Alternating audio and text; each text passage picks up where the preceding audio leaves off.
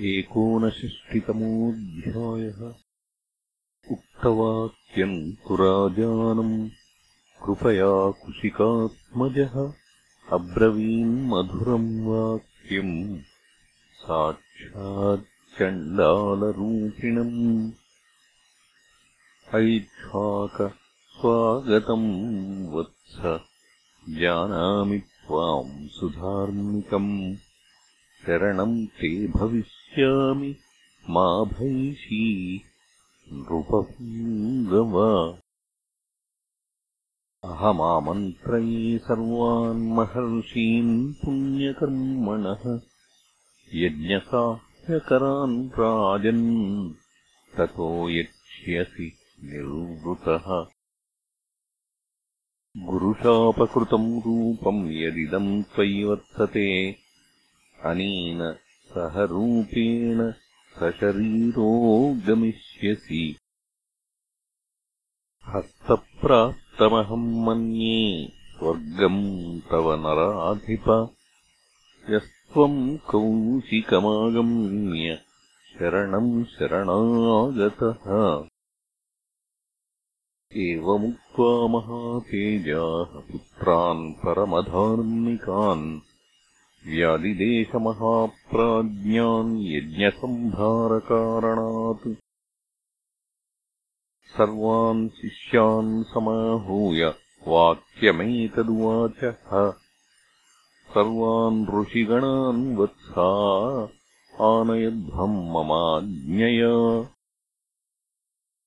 स शिष्यसुहृदश्चैव सत्विजः स बहुश्रुतान् यदन्यो वचनम् ब्रूयात् मद्वाक्यबलचोदितः तत्सर्वमखिलेनोक्तम् ममाख्येयमनादृतम्।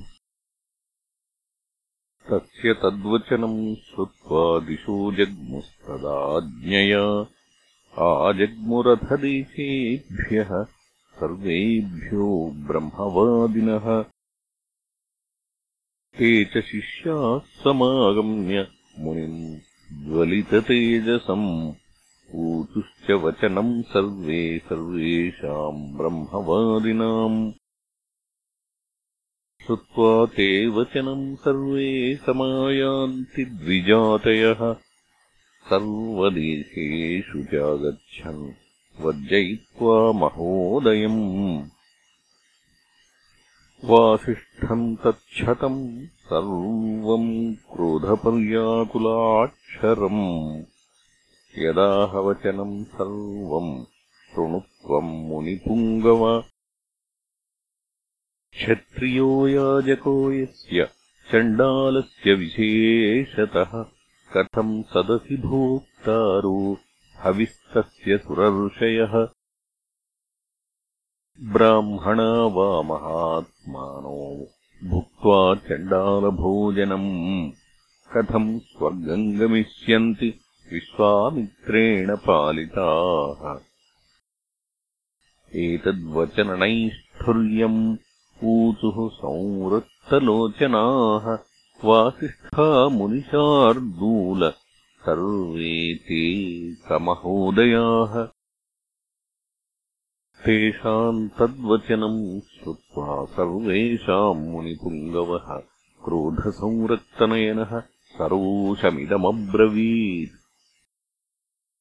ये दूषयन्त्यदुष्टम् माम् तप उग्रम् समास्थितम् भस्मीभूता दुरात्मानो भविष्यन्ति न संशयः। अद्य ते कालपाशेन नीता वैवस्वतक्षयम् सप्तजातिशतान्येव मृतपाः सन्तु सर्वशः। स्वमाम् सनियताहारा मुष्टिका नाम निर्घृणाः विकृताश्च विरूपाश्च लोकाननुचरन्त्विमान्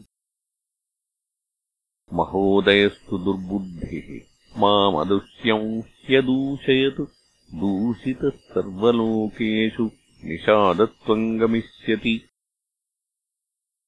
प्राणातिपातनिरतो निरनुक्रोशताम् गतः दीर्घकालम् मम क्रोधात् दुर्गतिम् वर्तयिष्यति।